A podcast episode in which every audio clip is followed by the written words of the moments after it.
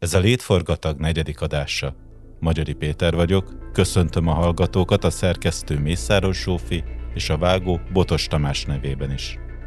Lesz mindjárt vendég is. Ám előtte vegyük át, hogy mi történik körülöttünk. Az orosz-ukrán háború most már több mint egy éve tart. Az alkalomból az amerikai elnök Kievben járt. Éppen akkor megszólaltak a légvédelmi szirénák is. Orbán Viktor figyelmeztette az amerikai kormányt, hogy ne próbáljanak pucsot szervezni ellene. Az USA pedig Kínát, hogy ne adjon fegyvereket az oroszoknak. A kormány új gázerőművek építését jelentette be, miközben Európa nagy része igyekszik csökkenteni a gázfogyasztását. Lantos Csaba miniszter szerint az erőművek EU-s hitelből épülnének, viszont az EU egyelőre nem ad pénzt Magyarországnak. Debrecenben ezúttal nem engedték meg, hogy népszavazás legyen a tervezett óriási akkumulátorgyárról, pedig a benyújtott kérdések közül az egyiket tavaly még átengedték az illetékesek.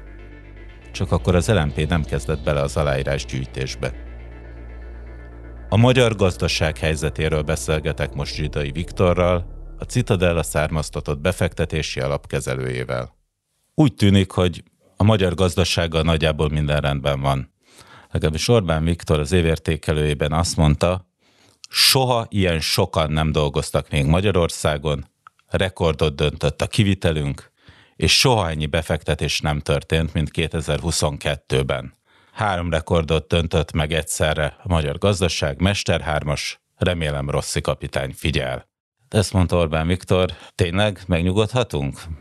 Jó év volt? Jobb volt azt gondolom végül is az év, mint attól lehetett tartani, de és az igazság, most a, a, amikor mondtad ezeket a dolgokat, akkor egy csomó minden fölvetődött bennem, és lehet, hogy egy kicsit messzebbről kellene nekifutnunk, az nem, nem probléma, mert szerintem a magyarországi eseményeket nem fogjuk tudni értelmezni, hogyha nem rakjuk egy ilyen közép-kelet-európai kontextusba. Tegyük akkor. Mert, mert, mert szerintem abból látszik, hogy mi történt, mert az, hogy most mi van, az az elmúlt 10-12 évnek részben az eredménye, és az, hogy mi lesz, az, az meg megint csak ebből következik.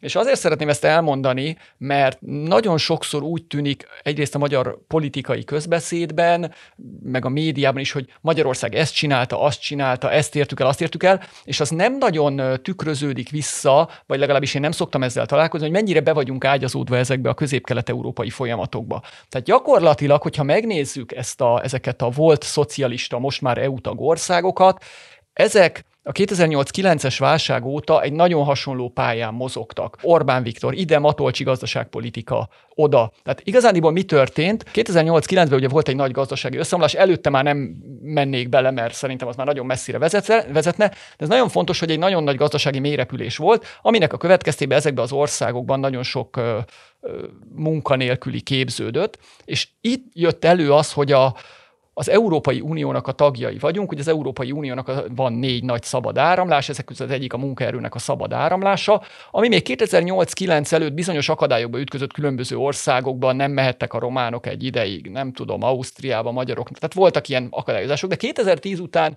gyakorlatilag ennek a régiónak a polgárai mehettek bárhova dolgozni, és ez azért nagyon-nagyon fontos, mert ez azt jelentette, hogy azt a munkanélküli töbletet, aki a, a recesszióval, a mély válsággal képződött, annak egy jelentős részét ez a régió exportálni tudta. Tehát ezt szerintem nagyon-nagyon fontos kiemelni, hogy ez egy nagy szelep volt. Ugye, és ez azért jelentős, mert egyrészt ezek az emberek, hogyha máshol dolgoztak, akkor nem a hazai ellátórendszerüket nyomorították, tehát nem ott kellett nekik munkanélküli segélyt adni. Másrészt pénzt kerestek, amit hazautaltak az országukba, ami meg egy csomó direkt és indirekt módon segítette az országuknak a gazdaságát. Tehát szerintem az első nagyon fontos lépés, és nagyon sok helyen megtörtént, különböző mértékben bizonyos országokból többen mentek el dolgozni, bizonyos országokból kevesebben, de mindenhol az történt, hogy exportálták a munkaerő egy részét, ami segített, mondom, a kiküldő országokon.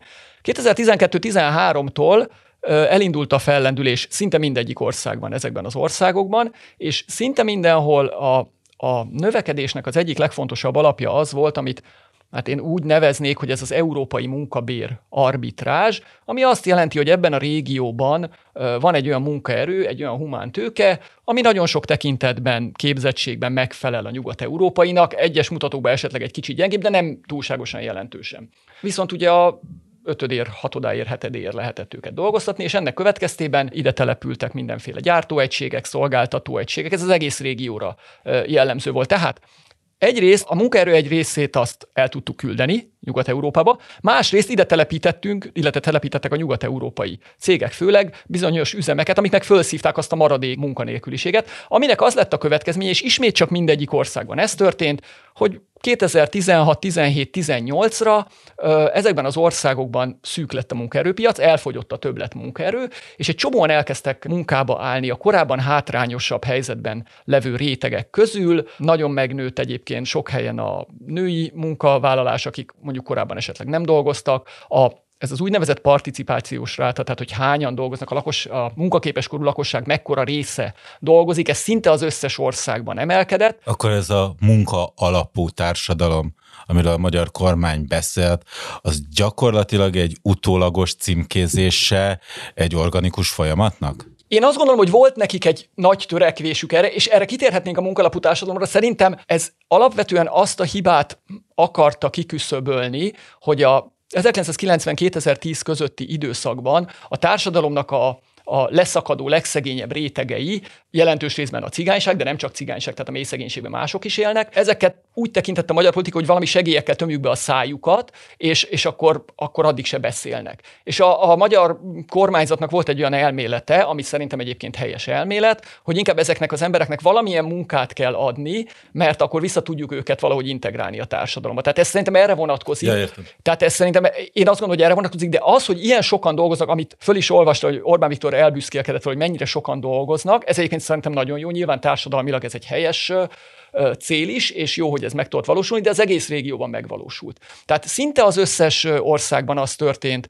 hogy idejöttek a nyugat-európaiak, illetve a dolgozóink egy része elment, és elkezdtek emelkedni, miután szűk lett a munkaerőpiac, elkezdtek emelkedni a bérek, és minden országban jelentősen emelkedtek a bérek, ami ugye azt jelentette, hogy a lakosságnak a jóléte növekedett, tehát reál bérek növekedtek, tehát jobban nőttek a bérek, mint az infláció, és az azt jelentette, hogy egy, egy, egy viszonylagos elégedettség és, és jólét növekedés alakult ki ezekben a, a társadalmakban. Sokan dolgoznak, viszonylag évről évre többet kerestek, és ez, ez azért egy stabilitást adott a régiónak. De ezek nem magyar sajátosságok. Tehát én azért akartam ezt az egészet elmondani, hogy, hogy amikor elbüszkélkedünk azzal, és nagyon jó, nagyon helyes, hogy nagyon sokan dolgoznak, ez nem egy magyar sajátosság. Még más, mi volt még, ami... Igen, a, igen, a, a, igen. A büszkeség, a Rekordot döntött a kivitelünk. Uh-huh, igen. És soha ennyi befektetés nem érkezett. Igen. A, ez, és ez az összes ország, egyébként ez látszott, hogy ugye amiről beszéltem, hogy a, mind az exportja, mind az importja ezeknek az országoknak jelentősen nő, ugye egyre jobban betagozódunk a nemzetközi, ezekben, hogy is mondják szépen, értékláncokba. Ugye az összes ilyen országban ezek az arányok elég jelentősen növekedtek az elmúlt 10-20 évben, hogy beépültek Európába.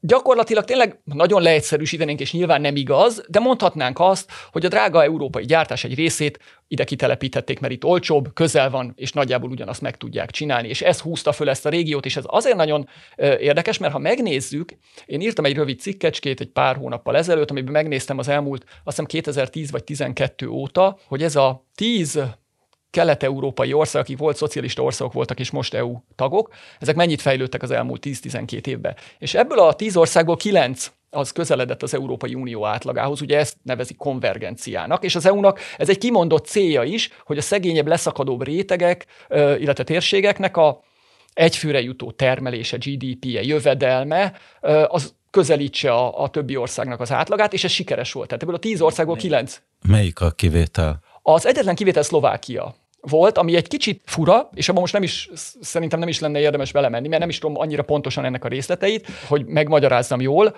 de az biztos, hogy a 10-ből 9 ország közeledett, tehát nem csak az, hogy növekedés volt, ami fontos, mert ugye általában a emberiség történelme során van valamiféle gazdasági növekedés, hatékonyság javulása, hogy újabb dolgokat fedezünk föl, hanem hogy nem csak, hogy növekedtünk, hanem jobban növekedtünk. És az összes ország szinte, mondom egy kivételével, jobban növekedett, mint az Európai Unió, és átlagosan 13 ponttal közeledtek az Európai Unióhoz, tehát tudom én, az átlag volt 60, és fölmentek 73 ra az Európai Uniónak. Magyarország 9 ponttal közeledett az Unióhoz, amire mondhatjuk azt, hogy hát ez egy kicsit átlagos átlag alatti teljesítmény. Voltak, akik nálunk, azt hiszem tízből a hatodikok voltunk. Tehát voltak, akik nálunk kiemelkedően jobban teljesítettek, néhány ország nagyon nagyot ugrott, és voltak, akik gyengébben teljesítettek. Nem, nem nagyon látszik, hogy a, hogy a magyar gazdaságpolitika ilyen elképesztő módon vált, más eredményt hozott volna, mint, mint az összes többi országnak a gazdaságpolitikája. Ezért merem azt mondani, hogy valójában itt ugyanazok a folyamatok zajlottak, kicsi módosulásokkal, más hangsúlyokkal, de nagyjából ugyanazt hoztuk sokáig, mint a többiek. Mondom, egy kicsit, kicsit gyengébb eredménye, de lehet, hogy ez, ez nem egy statisztikailag szignifikáns dolog. Ha mindenki hasonlóan mozog, és hasonló pályán van, az EU által részben, leginkább az EU által meghatározott pályán, akkor miért itt a legnagyobb az infláció most? Igen, igen, igen. És tényleg együtt mozogtak. Voltak különböző döntéseik ezeknek az országoknak. Egyébként még az EU kapcsán csak annyi, azt hagyom, mert hogy ugye ezt beszéltünk arról, hogy ennek a növekedésnek az alapja az Európai Unió, amit leszoktak sokszor csupaszítani, hát az EU-s támogatások évente jött a GDP 3-4 százalékát kitevő, mint Marshall segít, tehát ez, vannak ezek a ez egy, ez egy sokkal mélyebb dolog, mert ezek a pénzek, amik bejöttek az Európai Uniótól, mint mondtam, ugye volt egy csomó más dolog, ami a növekedésünket okozta. Tehát az EU négy szabad áramlás, ez nagyon-nagyon jelentős volt ebben a témában, illetve olyan dolgok is vannak, amiket sokkal nehezebb megfogni, de például a EU-s támogatások ugye úgy jönnek ide, hogy az Európai Unió ideutal egy csomó eurót, az bemegy a Magyar Nemzeti Banknak a deviza tartalékába, és annak terhére forintot ír jóvá a kormányzatnak a számláin, aki ezt el tudja költeni, de az a deviza például ugye itt marad, és például ez a deviza tette lehetővé, hogy a magyar kormányzat leváltsa a lakossági devizahiteleket. Ez tette lehetővé, hogy a magyar kormányzat lecsökkentse egyébként nagyon helyesen a korábbi deviza, devizás államadóságot nagy, nagy mértékben lecsökkentse, és nagy mértékben forintra álljon át, ami most megy visszafele, mert megint nincs ugye ez a, ez a forrásunk. Tehát, hogy egy csomó olyan hatás van, és ugye, hogyha a, megszabadulok a devizahitelektől, mint a lakosság is, akkor már jobb helyzetben vagyok, akkor könnyebben tudok egyéb dolgokat megcsinálni, akkor kevésbé kockázatos az ország, akkor olcsóbban jutok hitelhez. Ha olcsóbban jutok hitelhez én, mint ország, akkor, akkor kevesebb a kamatszolgálatom, kevesebb az adósságszolgálatom. Az kevesebb, akkor többet tudok egyéb dolgokra költeni, tudok adót csökkenteni. Tehát, egy, nagyon, tehát nagyon-nagyon sok átételes hatás van. Tehát én azt gondolom, hogy nem szabad leegyszerűsíteni arra, hogy itt az EU ide utal ennyi pénzt, és akkor ez okoz. Ennek, ennek nagyon-nagyon sok hatása van. Tehát ez, ez, ez, ez csinálta a növekedést. De miért, van, miért térünk el mégis? Mert ugye arról beszélünk, hogy nagyon hasonló, de mik az eltérések mégis Magyarország, és mi lett ilyen nagy az inflációnk? És uh, szerintem talán, a, hogyha megnézzük, most nagyon-nagyon leegyszerűsítő, ez nem lesz egy, ezt elmondanám ökonometria órán a közgázonak, a kirúgnának, de mondjuk egyszerűsítsük annyira a helyzetet, hogy mondjuk Európában volt egy 9-10 százalék infláció, Magyarországon mondjuk év per év, körülbelül itt vagyunk, Magyarországon meg 25 mondjuk. Hát az, azért az jóval nagyobb. Tehát ezt valahogy meg kéne magyaráznunk, hogy hogy van. Ugye a magyar kormányzatnak volt egy folyamatos politikája nagyjából az elmúlt tíz évben, amit hát én szeretek ilyen ázsiai modellnek nevezni, nem teljesen az, de bizonyos elemei megvannak benne. A lényege a mi szempontunkból az az, hogy tartsunk nagyon-nagyon alacsony kamatokat, olcsón finanszírozunk számunkra kedves projekteket, iparágakat, cégcsoportokat, és az alacsony kamatok révén legyen egy viszonylag gyenge devizánk, amivel tudunk exportálni. Ugye el büszkélkedett a Mester 3-asban Orbán Viktor, hogy rekordot döntött a kivitelünk. Ugye ez, ez egy cél, cél volt, magyar gazdaságpolitikai cél, és ennek az elérése érdekében volt egy folyamatos forint leértékelés. Ugye, hogyha emlékszünk még, 2007-ben mondjuk 250 volt a euróforint keresztárfolyam, 2013-14 tájéken 300, most meg 400. Tehát volt egy ilyen nem egy nagyon erős leértékelés, de volt egy folyamatos ö, ö, forint leértékelés, ami amíg a fellendülés tart, és amíg a, az importőröknek jól megy, ugye, akik behozzák a sok-sok dolgot, azok évente 1-2-3 százalék forint gyengülést azt le tudnak nyelni. De amikor mondjuk begyengül az árfolyam 10 százalékkal, azt nem tudja benyelni, akkor meg kell emelnie eleve már csak azért, hogy a forint legyengült az árakat. Tehát a, a tavalyi évben ugye 8-9 százalékot gyengült a forint az euróhoz képest, hogyha ezt Azért mondom, hogy ez egy buta összehasonlítás lesz, de egyébként nem annyira hülyeség. Ezt hozzáadjuk az európai 10%-hoz, akkor már 18%-nál tartunk, de még mindig nincs meg a 25%, ugye. És akkor az a kérdés, ez a maradék 7% miből jön, és én azt gondolom, hogy ez Hát ezekből a hibás kormányzati intézkedésekből, ársapkákból, kiskereskedelmi különadóból, egyéb különadókból, amiknek a terheit akármennyire is azt szereti mondani a kormányzat, hogy ezt nem engedjük, hogy áthárítják a lakosságra, nem tud mit csinálni egy szolgáltatóvállalat, tehát valamit kell vele csinálnia. Vagy veszteséges lesz, vagy megpróbál. Hát egy részét mindenképp megpróbálja áthárítani. Tehát ezeknek az áthárítása, illetve valószínűleg amíg a korábban meglevő forint gyengüléseknek a hatását is most akkor most egyszerre zúdult a mindenkinek a nyakába. Én azt gondolom, hogy ebből úgy nagyjából meg lehet magyarázni, hogy hogy jön össze a 25 százalék, és így, így hihető is ez a történet. Egyet szoktak még mondani, hogy a 22-es választás előtti osztogatás ez szintén hozzájárulhatott ehhez. Nek lehetett szerepe még? Biztosan volt szerepe, mert, mert a nemzetközi inflációnak az alakulásában 2021-22-ben is úgy tűnik, hogy jelentős szerepe volt annak a nagy kormányzati költekezésnek, amit főleg az Egyesült Államokban, de részben Európában is megpróbáltak, ugye a Covid-válság legyőzésére irányul irányulva ö, osztogattak pénzt az embereknek, aminek az elköltése nyilván ö, jár egy többletfogyasztással, a többletfogyasztás pedig, hogyha nagyon ki van feszítve a gazdaság, akkor ez többletinflációt okoz. Ugye ezt nem nehéz elképzelni, mondjuk, hogyha azt gondoljuk, hogy van egy gazdaságunk, ahol dolg, van tíz ember, és mondjuk heten dolgoznak, és akkor ott megjelenik valami többletkereslet, mert valakinek adtunk pénzt, és ő is akar venni kókuszdiót még, akkor a nyolcadik is beáll kókuszdiót szedni, meg a kilencedik is, meg a tizedik is, de ha már mind a tizen a kókuszdiót, és beöntünk egy csomó pénzt, akkor nem fog tudni több ember beállni ö, dolgozni, és ez volt a közép-kelet-európai országokban, tehát ugye, mint mondtuk, itt teljes foglalkoztatottság volt, és ez közvetlenül okozott valamekkora inflációt. Tehát ez is bizonyára hozzájárult a, ehhez a dologhoz. Ha ez viszont hozzájárult, akkor, akkor a most zajló folyamatok, illetve a következő fél egy évnek a folyamatai, amik meg azt mutatják, hogy a lakosságnak nagyon jelentős reálkeresett csökkenése van, tehát mit az infláció 25% a bérek meg nőnek 18-al, akkor viszont lehet, hogy ez ellene fog hatni. Tehát ez, ez, ez meg majd csökkenteni fog talán a jövőben az inflációt. A miniszterelnök is hivatkozott ugyanerre a beszédében, hogy az energiahordozók importjára rengeteg pénz ment ki, és ez is nagyon erősen hozzájárult az infláció emelkedéséhez. Viszont azt látjuk, hogy az energiahordozók ára most már jó néhány hónapja csökken a világpiacon. Azt mondja, november vége körül óta ez egy stabilnak mondható folyamat. Viszont az infláció nem csökken Magyarországon. Miért? igen. igen. Uh, ugye az a, az a kérdés, ez nagyon érdekes, nyáron, tehát a 22 nyaráról beszélünk, 22 augusztusában olyan ö, energiaárak voltak, ami mellett nagyon sokan kongatták a vészharangot én is, hogy ilyen árak mellett nem tud működni a magyar gazdaság, se Európa se, tehát hogy ez game over, tehát ez e, ilyennek nem lehet. Ahhoz képest irgalmatlanul leestek az árak, pontosan ahogy mondod, ugye alacsonyabbak az árak, mint az orosz invázió előtt, gázban is, az olajárak is ugyanott vagy lejjebb vannak. Tehát, hogy ez önmagában nem magyarázna. Az talán magyarázza azt, hogy még mindig zajlik az infláció. Egyrészt az, hogy a különböző cégeknek, meg tehát gyártó és szolgáltató cégeknek a, az energiaszerződéseinek az átárazódása az, az nem azonnal történt meg. Tehát egy csomó cégnek be volt rögzítve 21 végéig, 22 végéig, esetleg 23 elejéig a, az energiaár, és szép lassan, fokozatosan szembesültek, és most is szembesülnek a magasabb energiárakkal. Tehát, hogy valójában számukra az energiáraknak a, a növekedése az, az most jelenik meg. És a másik, ami nagyon fontos, hogy sajnos, amitől egy-két éve lehetett tartani, és én kicsit reméltem, hogy elkerüljük, bár tartottam tőle, hogy talán mégsem, az úgy tűnik, hogy megjelent ez a, amiről szoktak, meg szeretnek beszélni a közgazdászok, ez a bérár spirál, vagy árbér spirál.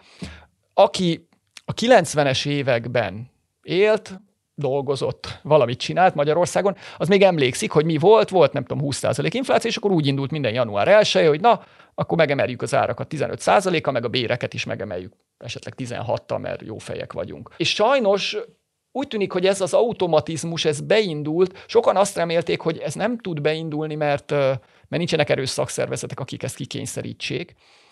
De úgy tűnik, hogy, hogy mégis megvalósul. Azt látjuk a... Ö, nagyon... Lehet, hogy pont a munkaerőhiány miatt? Abszolút mértékben. Tehát, hogy a, ha munkaerő többlet van, akkor kell hozzá szakszervezet, hogy kikényszerítse. Hogyha egyszerűen nem kapok munkaerőt, akkor nincs, nincs olyan döntési lehetősége semmelyik cégnek, hogy azt mondja, hogy nem emelek béreket, mert elmennek az emberek. Tehát a munkaerő hiány miatt nem kell nekünk szakszervezet, föl tudnak menni a bérek. Hát mondom, mint bármilyen, bárki, aki olvas gazdasági híreket, mindenki láthatta különböző nagy Magyarországon működő cégeknél, bejelentették, hogy akkor még emelünk 4%-ot, még kompenzálunk 3%-ot. Tehát ahogy látszott, hogy nő az infláció, további kompenzációt adtak a, a dolgozóiknak. Tehát sajnos egy idő után, ugye azt szokták mondani, közgazdaságtan ban ilyen kicsit vicces, hogy két dolgot nehéz az inflációval, egyrészt elindítani, másrészt meg megállítani. Tehát ennek van egy ilyen tehetetlensége. Nagyon sokáig a világ egy ilyen inflációmentes környezetben működött 2009 után, és egyszer csak ránk robbant. Ugye 2020-tól, a Covid-tól ránk robbant ez az infláció, és ennek Magyarországon most már azt gondolom mindenképp, de egyre inkább úgy tűnik, hogy a világ jelentős részén van egy önfenntartó ereje, egy tehetetlensége van, és nehéz megállítani. Még úgy is, hogy Nyugat-Európában vagy az USA-ban például mérséklődik. Mérséklődik az infláció. Igen, ugye az kérdés, hogy mennyire fog lemenni az infláció, és ez, egy nagy, ez megint egy nagyon érdekes dolog, hogy már 2019 végén látszódott az, hogy a fejlett világban, tehát belevéve a fejlett világban Japántól, Kanadán, USA-n át, tehát Európát és ezeket a úgy mondjam, ezeket a jóléti demokratikus államokat, 40 éves mélyponton volt a munkanélküliség. Ez egy nagyon-nagyon fontos dolog. Ugye miközben a 2010-es évek második felében mindig arról hallottunk, hogy majd az AI meg a robotok elveszik a munkát, az történt, hogy a 2010 és 20 közötti időszakban felszívta a munkaerőpiac a dolgozókat, egyre többen álltak ott is be a munkába, és óriás mélyponton van a munkanélküliség, és már akkor látszottak problémák, és, és a nyugat-európai országban és USA-ban is a COVID hozta ezt igazán felszínre, amikor egy csomóan nem tudtak dolgozni, nem mehettek be dolgozni, megbetegedtek, nem akartak az idősek, mert féltek, kiestek a munkaerőpiacról, és az történt, hogy, hogy egyszerűen láthatóvá vált mindenki számára, hogy ott is szűk a munkaerőpiac. Tehát kicsit olyan ez a Magyarország, meg a kelet-közép-európai régió. Én pár éve is ezt mondtam, hogy mi egy két-három évvel a ő a nyugatiak, a fejlett nyugati világ ciklusa előtt járunk, de ők is ugyanazon a pályán mozognak, és hirtelen mindenki beleért ebbe a rendszerbe, hogy, hogy kevés a munkaerő. És akkor, ha kevés a munkaerő, akkor bért kell emelnem, de ha bért, bért emelek, akkor árat is emelek, és akkor utána ez, a, ez egy önfenntartó folyamattá tud válni. És ez veszélyes? Igen, hát a, nagyon nem szeretik, a, a független jegybankokat azért hozták létre az 1970-es éveknek a nagyon rossz tapasztalata után, amikor gyakorlatilag 10-12 éven át egy olyan infláció volt, ami már látszott, hogy a, a gazdaságnak, tehát hogyha tartósan magas infláció van egy gazdaságban, az nem jó az hatékonytalansághoz vezet és problémákat okoz, és ezért hozták létre a független jegybankokat, hogy ők ö, törjék le ezt az inflációt, és a politikusok nem szólnak bele, ö, hogy mit csinálnak. Fájni fog, tudjuk, de oldják meg. Tehát az a mondás, vagy az alapvetés, hogy ö, hogy a tartósan magas infláció az nem jó a gazdaság hatékonysága szempontjából. A másik, amit szoktak mondani, ugye, hogy a, az infláció a szegényeknek az adója, ez is egy ilyen gyakori kifejezés, de ez csak abban az esetben igaz, ez nem minden esetben igaz. Ugye abban az esetben igaz, tehát hogyha van egy ország, ahol 5% az infláció, és mondjuk 8%-kal nőnek a bérek, tehát van egy reálbérnövekedés, ez nem okoz problémát. Ugye a szegényeket és a gazdagókat az különbözteti meg egymástól, hogy a szegényeknek nincs mondjuk megtakarítása. De hogyha neki nő a megélhetési költsége 5%-kal, a bére meg 8%-kal, akkor nincs probléma, úgyis mindig a havi fizetéséből él. Sokkal veszélyesebb ebben az esetben az infláció a gazdagoknak, mert esetleg alacsonyak a kamatok, és a megtakarításaik erodálódnak, reál értékben eltűnnek, lecsökkennek. Ugye ez, ez, egy, ez egy veszély ebben az esetben a gazdagoknak. Akkor rossz a szegényeknek az infláció, és egyébként most van ez Magyarországon, amikor a bérek jelentősen kevesebben nőnek, mint az infláció. Ráadásul ugye tudjuk, hogy a szegényeknek a fogyasztói kosarában jóval nagyobb arányban van az élelmiszer. És amikor az élelmiszerár még jobban nő, mint az infláció, akkor még nagyobb bajban vannak ugye a, a szegényebbek. Tehát a jelen helyzetben ami például Magyarországon van, hogy az élelmiszerinfláció 40-50 százalék között van év per év alapon, miközben a bérek nőnek 18 százalékkal, hát ez egy óriás megélhetési válság, azt gondolom. Tehát ebben az esetben ez veszélyes. A, a, és a lakosság nagy része szerintem azt érzékeli jelenleg Magyarországon, hogy, hogy nem jó. Azt, hogy miért pont az élelmiszer drágul a legjobban, ezt lehet tudni? Igazándiból volt ebben egy, ugye a gázárak, mint inputárak, azok nagyon fontosak a gáz és az olajárakkal, hogyha megnézzük az elmúlt 30 évben az élelmiszer áraknak az alakulását, akkor azt láthatjuk, hogy, hogy azok nagyon jelentősen együtt mozognak. A, az élelmiszer termelésünk az, az gáz meg olaj alapú. Ugye gázolaj kell a kombányba, hogy learassa, földgázból csináljuk a műtrágyát, ami elengedhetetlen ma már ahhoz, hogy ellássuk az emberiséget élelmiszerrel, tehát ezek nagyon együtt mozognak, és amikor fölrobbantak ezek az árak, az olaj meg a gázárak, akkor nyilvánvalóan ez, ez vezetett egy ársokhoz a, az élelmiszereknek a, a piacán, és azt gondolom, hogy utána meg ezt sikerült, hát Magyarországon külön még ezekkel a és ebben nem is nagyon mennék bele, mert erről nagyon sokan beszéltek, hogy ezek az ársapkák mennyire kártékony módon avatkoztak bele a piaci folyamatokba,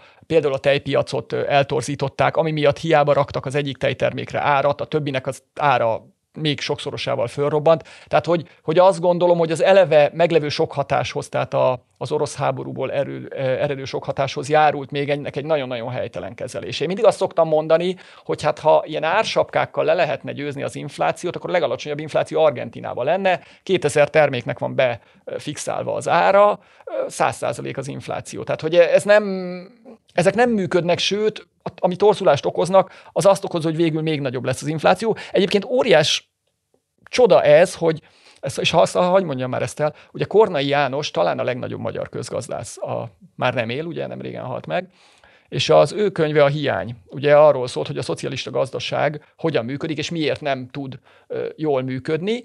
És hát ugye a könyvnek eleve az a címe, hogy a hiány, és hát ugye részben arról is van szó benne, hogy hogyha ilyen ármechanizmusokkal eltorzítjuk a piaci áraktól a, az árrendszert, akkor hiány fog kialakulni. És hát ugye van egy óriás nagy közgazdászunk, tényleg talán a legnagyobb magyar közgazdász, vagy egyik legnagyobb magyar közgazdász, aki az egész életét nagyjából ennek a folyamatnak szentelte, és a magyar kormányzat elköveti azokat a hibákat, amiket nem lenne szabad. Tehát, hogy ez egy, ez egy őrület. Van egy érdekes vita publicisztikákban jelentkezik különböző lapokban, hogy az ársapka tette rosszabbat, vagy a különadó, amit a kiskereskedelmi láncok kaptak a nyakukba. Itt most az ársapkáról volt szó, az előbb a különadó is infláció gerjesztő, az is torzít? Az teljesen egyértelmű, így van. Tehát, hogy ez, ez olyan, mint egy, hát mint egy áfa emelés olyan, mintha az élelmiszerekre ráraktunk volna egy magasabb áfa kulcsot, miközben hogy nyilván azt szokták csinálni, hogy alacsonyabb áfa kulcsal próbálják az alapvető élelmiszereket árulni. Nyilván ennek van egy politikai, gazdaságpolitikai célja, ezt értjük, nagyobb arányt akar a kiskereskedelembe a kormányzat, nem fáj neki, hogyha ezeknek a cégeknek, a nagy nyugati láncoknak nincsen profitja, mert legfeljebb kivonulnak, és akkor a magyarok átveszik a helyüket. Tehát, hogy értjük ennek a célját, ennek ez az ára. Tehát, hogy igazából minden intézkedésnek van egy ára, és, és ennek az, az lett az ára, hogy Magyarország az élelmiszerek áremelkedésében hát elég szép eredményt ért el világszinten is. A hogyan kezeljük az inflációt kérdésben is van egy vita, csak ez nem Magyarországon belüli, hanem az egész nyugati világban érezhető. Emeljenek-e kamatot a jegybankok, vagy pedig pont a mostani helyzetben semmiképpen sem szabad kamatokat emelni. Ugye Stiglitznek volt ez a néhány havonta ír egy dörgedelmes cikket valamelyik nagy labba arról, hogy teljes félreértés a mostani helyzetben kamatot emelni, mert a mostani inflációnak a termelési láncok lelassulása a fő oka, és áruhiányból eredeztethető, aminek a megoldása az lenne, hogy új befektetéseket kell létrehozni, ami viszont magas inflációs környezetben soha fog megtörténni. Miközben azért azt is látjuk, hogy ezért az utóbbi hónapokban nyugaton majdnem az összes egybank jelentősen emelte a irányadó kamatot. Te ebben a vitában hol állsz? Hát megpróbálok középen állni, és erre, erre hagyd mondjak, a, le, ezt már több helyen elmondtam, hogy, hogy elnézést, aki ezt hallotta, ezt a, ezt a hasonlatomat. Az a baj, ugye a közgazdaságtannal, hogy ez egy társadalomtudomány. Ez nem egy természettudomány, és az a probléma, hogy a különböző társadalmak különböző beavatkozásokra különbözőképpen reagálnak. Amit én el szoktam mondani, 2008-9-es válság során az Egyesült Államokban szétosztottak pénzeket a lakosságnak, aminek a nagy részét hónapokon belül a lakosság elköltötte. A 2010-es évek elején volt egy földrengés Japánban, talán a Kobei földrengés, már nem emlékszem, és a japán kormány is megpróbált minden japánnak kiküldött, nem tudom, 50 ezer, 100 ezer jent, nem tudom mennyit, három héten belül a nagy része a megtakarítási számlákon volt. Tehát, hogy ugyanaz az intézkedés két különböző országban különböző hatást vált ki, de még ennél is rosszabb a helyzet, mert lehet, hogy 30 évvel ezelőtt Japánban mást okozott volna ez, vagy 50 évvel ezelőtt, vagy 20 év múlva mást fog. És azt szoktam mondani, hogy ez olyan, mintha úgy próbálnánk meg a víznek a forráspontját megmondani, hogy most mennyi Magyarországon a víz forráspontja, hogy van, van egy mérésünk 30 évvel ezelőtt Spanyolországból, hogy 92 fok volt, 15 évvel ezelőtt Németországban 106 fok volt, és Magyarországon a második világháború után is egyszer megmérték 101 fok volt, akkor ebből mondd meg, hogy most mennyi Magyarországon, hány fokon forra víz, és azt is kell tudnunk, hogy a hőmérőnk se teljesen jó, tehát hogy csal. Úgyhogy az a, az a probléma, és szerintem ez a baj a közgazdaságtannal, hogy egy csomó esetben nem tudunk olyan általános szabályokat mondani, amire azt mondhatjuk, hogy igen, most így kell kezelni az inflációt. Eleve az infláció,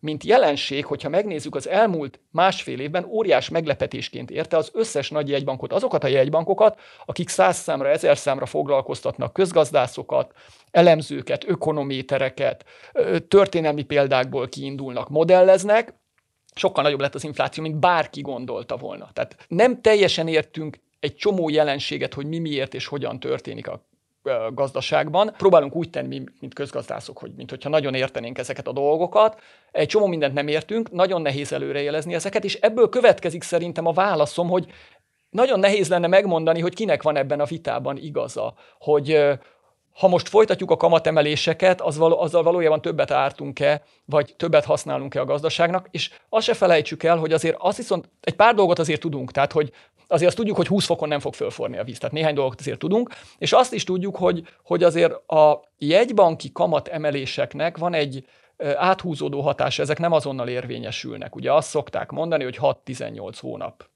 körülbelül mire hatnak a gazdaságban, tehát azok a kamatemelések, amiket nagyon agresszívan az elmúlt 12 hónapban levezényeltek a jegybankok, ezeknek a hatását még nem biztos, hogy látjuk. Egy kicsit olyan, mintha visszapillantó tükörből vezetnénk. Tehát a jegybankok ilyen azt nézik, hogy mi van mögöttük, nem, nem az, hogy mi van előttük. Nem tudnak máshogy vezetni, mert le van feketével festve a, a előre, tehát ők csak hátrafele tudnak nézni. És ez alapján kellene megint csak eldönteniük, hogy most emeljék tovább, vagy nem. Nagyon-nagyon nehéz helyzetben vannak.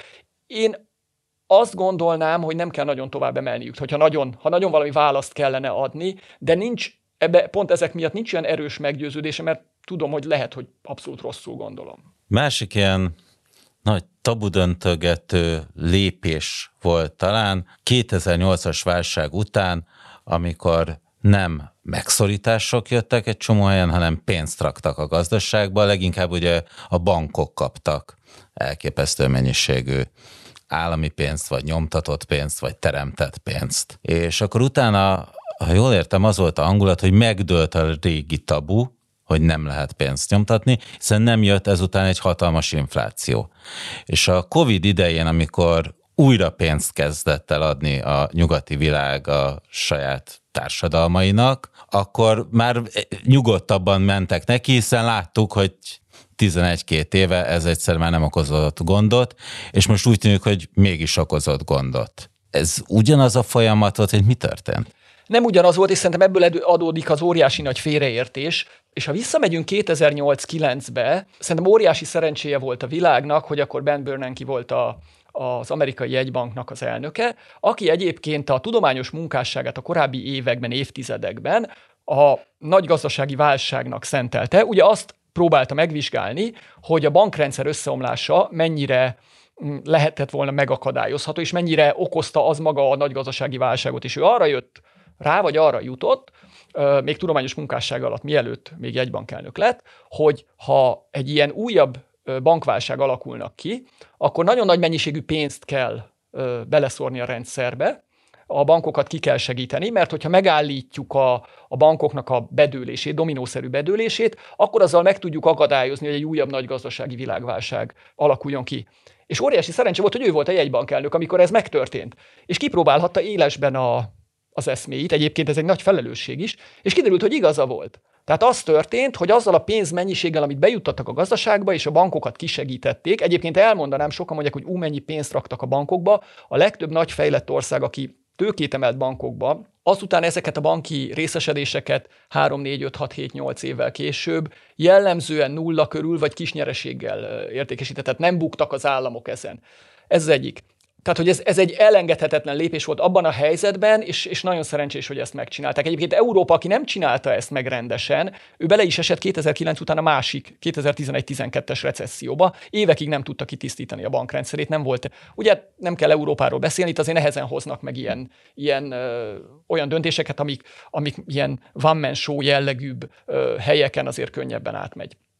És az a pénz teremtés azonban, az azzal, az Tehát, hogy ki kapja a pénzt. Itt a pénzteremtésnél ez egy nagyon-nagyon-nagyon fontos, hogy ki fogja megkapni a pénzt. Itt az történt az amerikai jegybanknak és később az Európai Központi Banknak is, illetve hát egy csomó jegybank átvette után ezt. A pénzteremtés ez abból állt, hogy újonnan teremtett pénzből, ma már ugye nem kell pénzt kinyomtatni, mert csak bepötyögik a számítógépbe a jegybank, és akkor van, egy milliárd dollár ott van. Megvásároltak állampapírokat, tehát a saját országoknak az állampapírjait vásárolták meg. Ugye mi történik ezzel? Én, mint jegybank megveszem ezeket az állampapírokat. Ezeket az állampapírokat eladja nekem a az eladó, jellemzően mondjuk egy kereskedelmi bank. A kereskedelmi banknak lesz pénze. Mm, ebből a pénzből tud hitelezni, illetve tehát a likviditása megnő, ami fontos a banknak a jó működéséhez, de igazándiból ez a pénz azonnali és direkt módon nem kerül bele a gazdaságba, hogy azt elköltsék. Tehát nem lesz belőle autóvásárlás, vagy, vagy kenyeret nem vesznek belőle.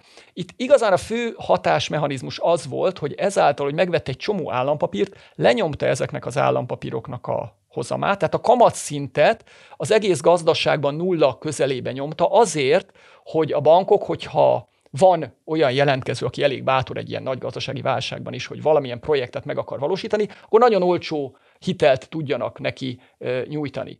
És ez egy lassú folyamat volt, ráadásul egy csomó hitelt bedölt, azokat próbálták inkább visszafizetni, ez nem okozott inflációt. A 2020 utáni egy teljesen más dolog volt, és azt gondolom, hogy itt tévedtek, tévedtünk nagyon sokat, mert ezeket a pénzeket közvetlenül az emberek megkapták. Tehát ha megnézzük, hogy mi történt, az Amerikai Egyesült Államokban azt mondták, hogy mostantól fogva gyakorlatilag mindenki kap havonta, én nem tudom, emlékszem a számokra, ezer valahány száz dollárt. És ugye ez nagyon fontos, hogy főleg azok kapják meg ezeket a pénzeket, akik egyébként is ugye a szegényebb rétegek. A szegény rétegekről tudjuk, hogy ők a hozzájuk kerülő pénzt azt fogják és elköltik. Egyszerűen fogyasztásra, élelmiszerre, gázra, benzinre, akármire. Tehát ez a pénz, amit szétosztogattak, ez egyből belekerült a gazdaságba, ez egy nagyon-nagyon fontos, tehát valós árukat vettek belőle. Tehát nem, nem a tőkepiacokon, nem a részvények árába csapódott le, mert igazából az senkit nem érdekel, hogy korábban lenyomta az állampapírok hozamát a jegybank, és akkor emiatt mondjuk fölmentek a, a részvényeknek az árai. Ez az emberek nagy részének, ez, ne, ez ne, nem egy negatívum, de hát ez is egy infláció valójában. Ugye volt egy nagyon nagy részvény árfolyam emelkedés 2009-től 2020-ig folyamatosan szinte, ez nem egy negatívum, de ez is valamiféle infláció, csak nem ott nyilvánult meg, ami az embereknek fáj.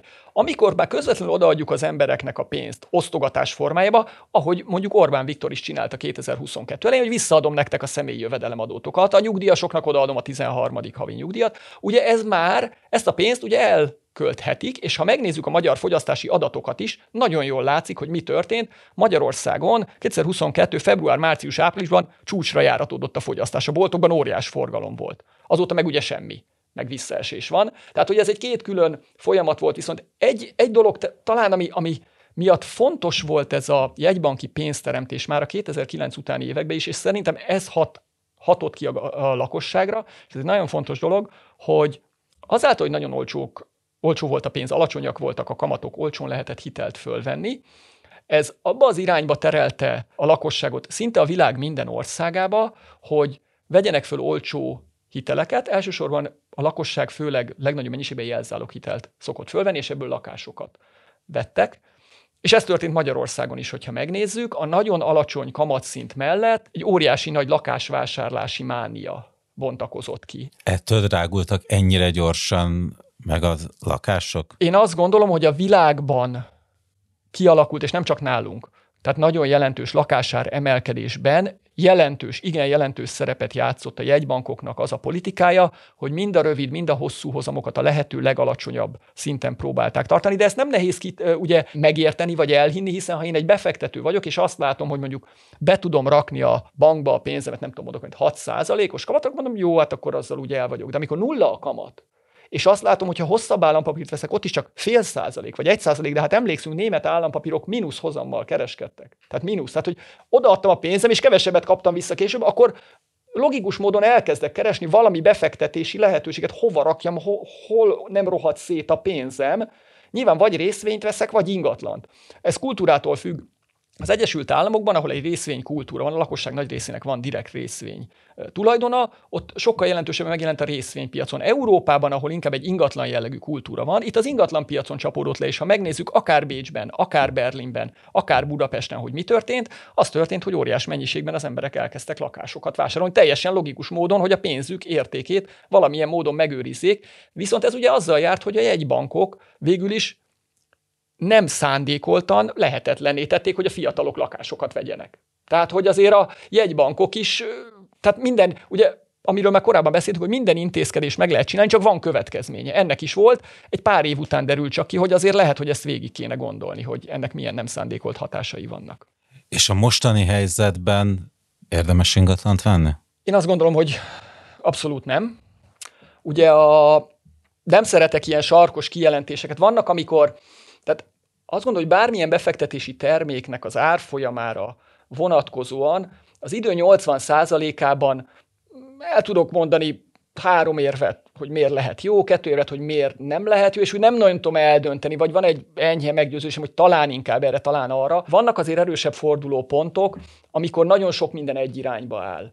Ilyen volt Magyarországon a 2013-14-15 körül, ekkor több cikket is írtam erről, és akkor nagy vita volt. Egyébként nagyon érdekes volt, és olyan furcsa, hogy ez, ez csak 8 éve volt. Azt írtam, hogy akár 2014-ben írtam, hogy 50%-kal is fölmehetnek a budapesti lakására, hát fölmentek vagy 150-nel egyébként. És uh, egy csomó olvasói levelet kaptam, hogy micsoda baromság ez. Hogy mennének föl 50%-kal. Tehát, hogy a, a hangulat nagyon gyorsan tud változni.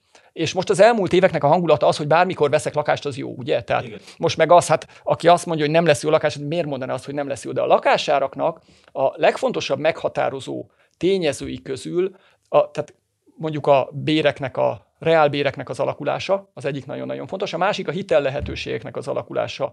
A migráció, belföldi és külföldi migráció is fontos, de az most rövid távon azt tekintsük változatlannak. Ugye azt lehet látni, hogy Magyarországon elképesztő módon gyakorlatilag nulla közeléből fölment a, a kamatszint, hát a rövidoldali kamatszintünk az 18% körül van most ugye a Magyar Nemzeti Banknak köszönhetően és a hosszú állampapírok is 8-9 százalékon vannak, amik korábban 2 százalékon voltak. Jelzáloghitelt föl lehetett venni, nem tudom, korábban 4 százalékos kamattal, most 10-zel. Olyan szinten változott meg a pénz elérhetősége, a hiteleknek az elérhetősége, hogy azt gondolom, hogy nagyon nehéz azt belelátni, hogy a következő években Magyarországon ö, lakásár növekedés következne be.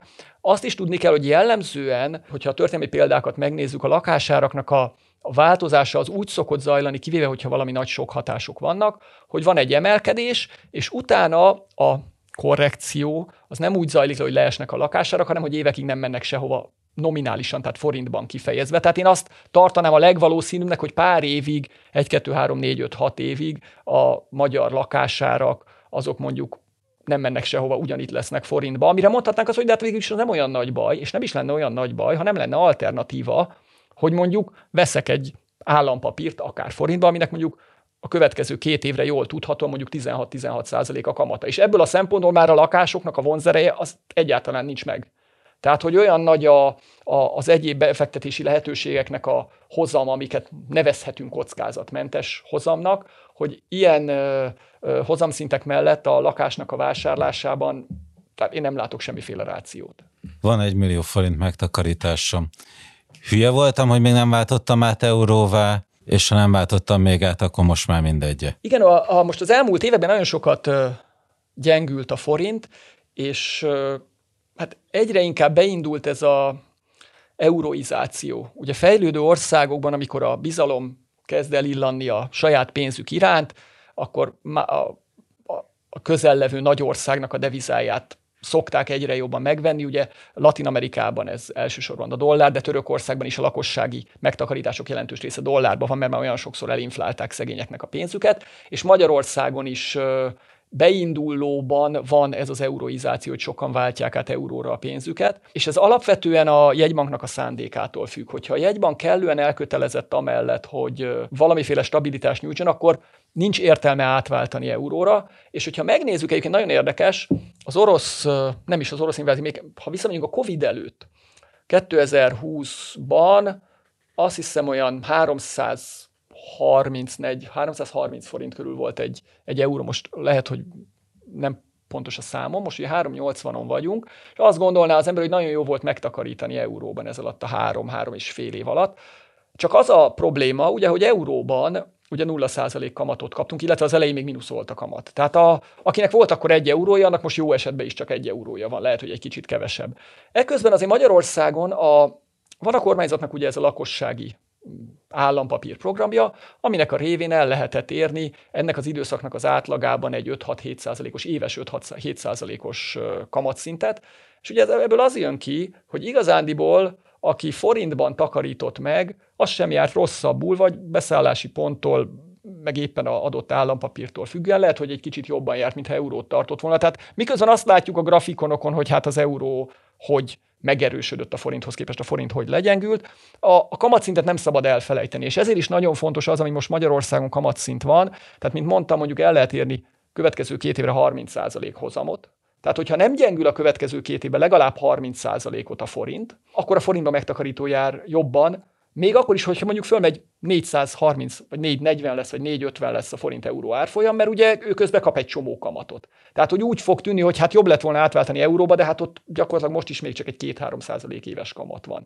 Tehát, hogy ez, ne, ez, egy, ez egy nehezebb döntés annál, mint hogy mibe tartsuk. Tehát egyelőre a forintnak olyan magas a kamatel, olyan nagy a kamatelőnye, hogy nagyon nehéz ezzel versenyezni. Én tartok tőle egy kicsit egyébként, hogy ha nagyon sokáig tart Magyarországon a gazdasági lassulás vagy recesszió, mert ugye ezt még nem érintettük, de az elmúlt két negyed évben Magyarországon a gazdasági lassulás van. Tehát Magyarország recesszióban van.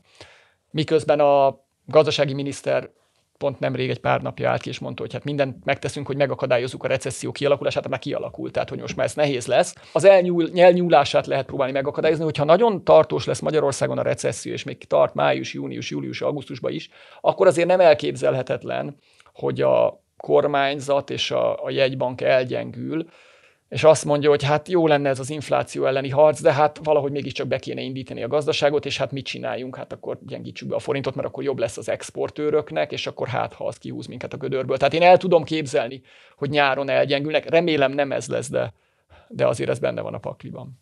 Hogy megyünk tovább a recesszióba, vagy pedig elindul egy fellendülés, az elsősorban az itthoni döntésektől függ, vagy ahogy láttuk a beszélgetés elején, egy kis tehetetlenséggel együtt mozgunk a régióval. Hát mozgunk együtt a régióval, de azt gondolom, hogy azáltal, ami, ami történt az elmúlt hónapokban, Magyarország egyre inkább különutas politikát jár, és itt nem csak a, a politikai, az EU-val való kapcsolatainkról beszélek, hanem ennek a gazdaságpolitikai vonatkozásáról. Ugye a magyar, nehéz azt elképzelni, de Magyarország sajnos rossz irányba mindenképp el tud szakadni a régiótól. Tehát, hogyha Magyarország tartósan ezt a, ezt a különállást választja, ha Magyarországra tartósan nem jönnek a, az Európai Uniós pénzek, akkor nem is az lesz a fő probléma, hogy fizikailag nem lesznek meg ezek a pénzek, bár ez is jelentős probléma, ez is gazdasági nehézségeket fog okozni, hanem az, hogy egy idő után az itt jelenlévő működőtőke, az itt jelenlevő portfóliótőke befektetők föl fogják tenni azt a kérdést, hogy lehet, hogy ezek sose kapják meg ezeket a pénzeket. Lehet, hogy ezek az emberek inkább egy ilyen soft huxit felé tartanak, és ugye ez a, ez a bizalomvesztés az, ami azzal fenyeget, hogy negatív irányba elszakadjunk a régiótól. Én azt gondolom, hogy alapesetben arra kellene számítanunk, hogy még az idei év első két negyedévében recesszió lesz Magyarországon, és ez a lakosság jelentős részének egy komoly megélhetési válságot fog okozni. Nem nehéz ezt megint csak, amiről már beszéltünk, 25% infláció mellett, ha 18%-kal nőnek a bérek, akkor egyre kevesebb elkölthető jövedelme van mindenkinek. Tehát ez a recesszió ez zajlani fog. Amennyiben valamilyen módon talán egy kicsit konszolidálódni tud a magyar politika, és ennek a gazdaságpolitikai vonatkozása is meg lesznek. Tehát megnyugodhatnak a, gazdasági szereplők azzal kapcsolatban, hogy Magyarország tényleg szerves tagja az EU-nak, amit egyébként a kormányzat minden alkalommal elmond, hogy tagjai vagyunk, tagjai is akarunk lenni, csak közben a cselekedeteik egy kicsit, mintha más mutatnának, más irányba mutatnának. Ha ebben a tekintetben... Illetve a sajtójuk mutat mást, amit a, a sajtójuk, azonosít igen. könnyen a külvilág magával, igen. a politikával. Igen, igen, igen, igen, ott, ott más jelzéseket adnak, mint a, mint a hivatalos válaszaikban. Tehát én azt gondolom, hogy amennyiben ez megtörténik, akkor a második negyedév után egy lassú kilábalás lehet, de én attól tartok, hogy az idei évben, tehát 2023-as évben összességében a gazdaság az nem fog tudni nőni. Van, aki azt mondja, hogy lesz némi növekedés, van, aki azt mondja, hogy lesz inkább csökkenés lesz. Szerintem ez igazándiból nem is ez a releváns kérdés. Az idei év nem lesz olyan nagyon jó, azt látjuk. Az első két negyedéve semmiképpen nem lesz jó. Az a kérdés, hogy a 2024 utáni egy-két-három-négy évben egyrészt ez a magas inflációs rendszer, amiben bekerültünk, ez fönnmarad-e, ez az inflációs tehetetlenség fönnmarad-e. Egyelőre vannak jelei, hogy igen, és az nagyon nem jó gazdasági növekedésnek. És ugye a másik kérdés az, hogy miből lesz Magyarországon a, ezután, még hogyha ezt az inflációt valahogy le is győzünk, gazdasági növekedés, ugye? Mert Magyarországon hogy nézett ki a, a, a gazdaság az elmúlt tíz évben, hogyha megnézzük, egy csomó új munkavállaló érkezett a, a munkapiacra, és ennek következtében őt leginkább a gazdaság, ha azt szokták nézni, ugye ezt a munkaerő produktivitásnak hívják, hogy egy ember mekkora terméket állít elő. Ha ezt nézzük meg Magyarországon, akkor ez évente az elmúlt tíz évben kicsit kevesebb, mint egy százalékkal nőtt csak. Tehát igazániból Magyarországon a fellendülés jelentős része abból adódott, hogy egy csomó új ember bejött dolgozni, nem abból adódott, hogy hatékonyabban dolgozunk sokkal. És azt látjuk, hogy itt már sok munkaerő felesleg nincs. Most, hogyha nincs sok munkaerő felesleg, akkor marad ez az egy százaléknyi hatékonyságjavulás évente, ami nem egy nagy növekedés. És ha még ehhez hozzáadjuk azt a EU-val való szembenállást, illetve ezt az inflá- magas inflációi rendszert, ami problémákat okozhat, akkor azt gondolom, hogy nem is 2023 miatt kell aggódnunk, mert azt úgy nagyjából látjuk, hogy mi lesz, hanem azt, hogy a, azután levő években a korábban megszokott éves mondjuk 3-4 százalékos gazdasági növekedést, hogy a csudában lehet föntartani. Én egyelőre nem látom azt, hogy fönn lehetne tartani a 2020-as éveknek az átlagában. Nagyon nehezen látom azt, hogy éves 2% fölött hogy lesz Magyarországon növekedés mondjuk a következő 6-8 év átlagában. De a végén, ha megengedsz egy kicsit személyesebb kérdést. Mondtad a beszélgetésnek egy pontján, hogy a közgazdaságtan az nem természettudomány. Nem csak feltétlenül exakt részei. Az alapkezelésből mennyi az, ami tanulható, ami szorgalommal elérhető, és mennyi az, ami intuíció, személyes csoda, tehetség kérdése?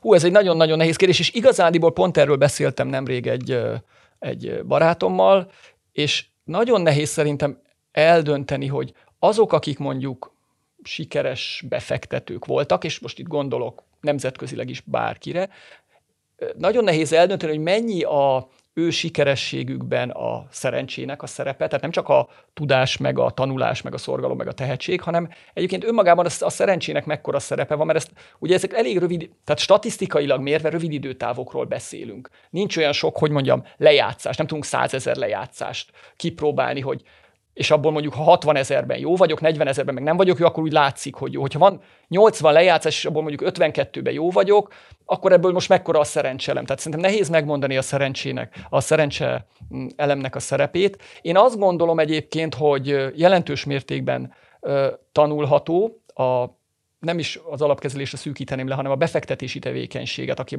aki akár csak magának is fektet be. És szerintem a legfontosabb eleme a befektetési tevékenységnek, az az, hát ez az önkritika. De abból a szempontból az önkritika, hogy pontosan tudnunk kell, és hogyha elég régóta ö, foglalkozol befektetésekkel, ö, vagy akár közgazdaságtannal, akkor tudni fogod, hogy, hogy lesz egy csomó eset, amikor tévedek. Tehát pontosan előre tudom, hogy van egy véleményem, lehet, hogy most is elmondtam valamit, ö, azt gondolom, hogy megalapozott a véleményem, olvastam róla sokat, végig gondoltam, számolgattam, de pontosan tudom, hogy lesznek olyan esetek, amikor nincs igazam. És az alapkezelésnek abban áll a, hát ahogy mondtad, a, nem tudom, ez a intuitív jellege vagy a csodája, de ezt nem is mondanám csodának, hogy tudnunk kell, hogy időnként tévedni fogunk, és hogyha azt látjuk, hogy tévedtünk, akkor el kell engedni azt a korábbi meggyőződésünket. És ez nagyon nehéz, és az emberek is lehet, hogy ez egy személyiségelem. Az emberek nagy részének ez nehezen megy. Ugye kitalálok valamit, és azt mondom, hogy nem tudom, ez így meg így működik, és hogyha rájövök, hogy nem úgy, akkor még magamat is becsapom, hogy de hát valójában mégiscsak így működik. Nem, nehéz azt elfogadni, hogy tévedtem. Tehát, hogy itt, itt szerintem ezt, ezt, kell, ezt kell tudatosítani az emberbe. Igen, egy csomószor tévedni fogok, és akkor el kell fogadni, akkor egy másik irányt kell választani. Tehát szerintem ez személyiségként némi alázatra van szükség, legalább ezen a területen. Lehet, hogy más területen nem lesz annyira alázatos az ember, de ezen a területen tudni kell, hogy ez így működik. Zsidő Viktor, nagyon szépen köszönöm. Köszönöm szépen.